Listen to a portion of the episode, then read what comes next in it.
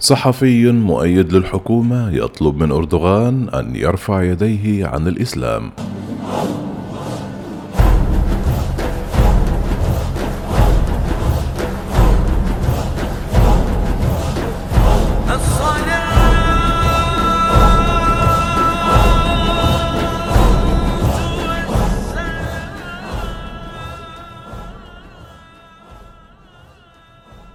دعا صحفي موالي للحكومة الرئيس التركي رجب طيب أردوغان إلى التخلي عن جهود تسييس الإسلام محذرا من أن مثل هذه الخطوة قد تدمر علاقة الناس بدينهم.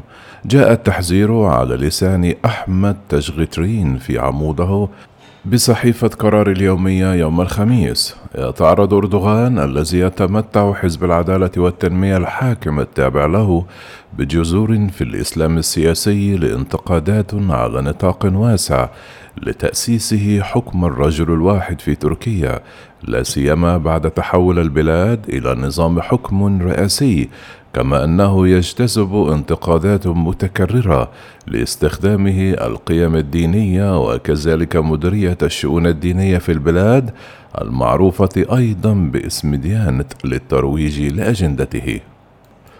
قال الصحفي أود أن أقول شيئا للرئيس. يبدو أنه يرى النظام الحالي على إنه نظام تخضع فيه جميع عناصر الدولة لسيطرته بما في ذلك القضاء والديانة. يقود هذا النهج إلى الانطباع بتسييس القضاء والديانات في نهاية المطاف. هو رئيس ينتمي إلى حزب سياسي ومن الواضح جدا أن تسييس القضاء يضعف ثقة الناس به. تسييس الدين والديانة يفسد علاقة الناس بالدين.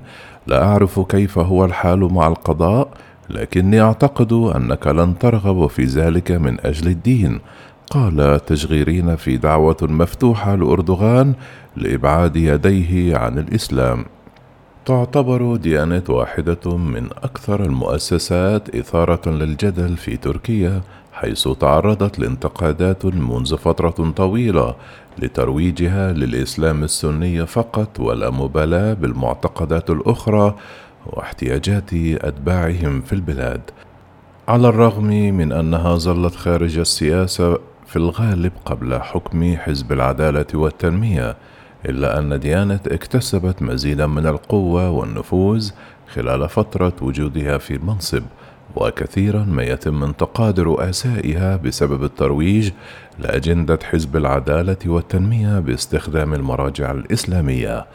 وفق لنتائج استطلاع عام أجرته شركة كوندا للاستطلاعات في عام 2019 وصفت 15% فقط من المستطلعين أنفسهم بأنهم متدينون محافظون بانخفاض عن 28% قبل عقد من الزمن.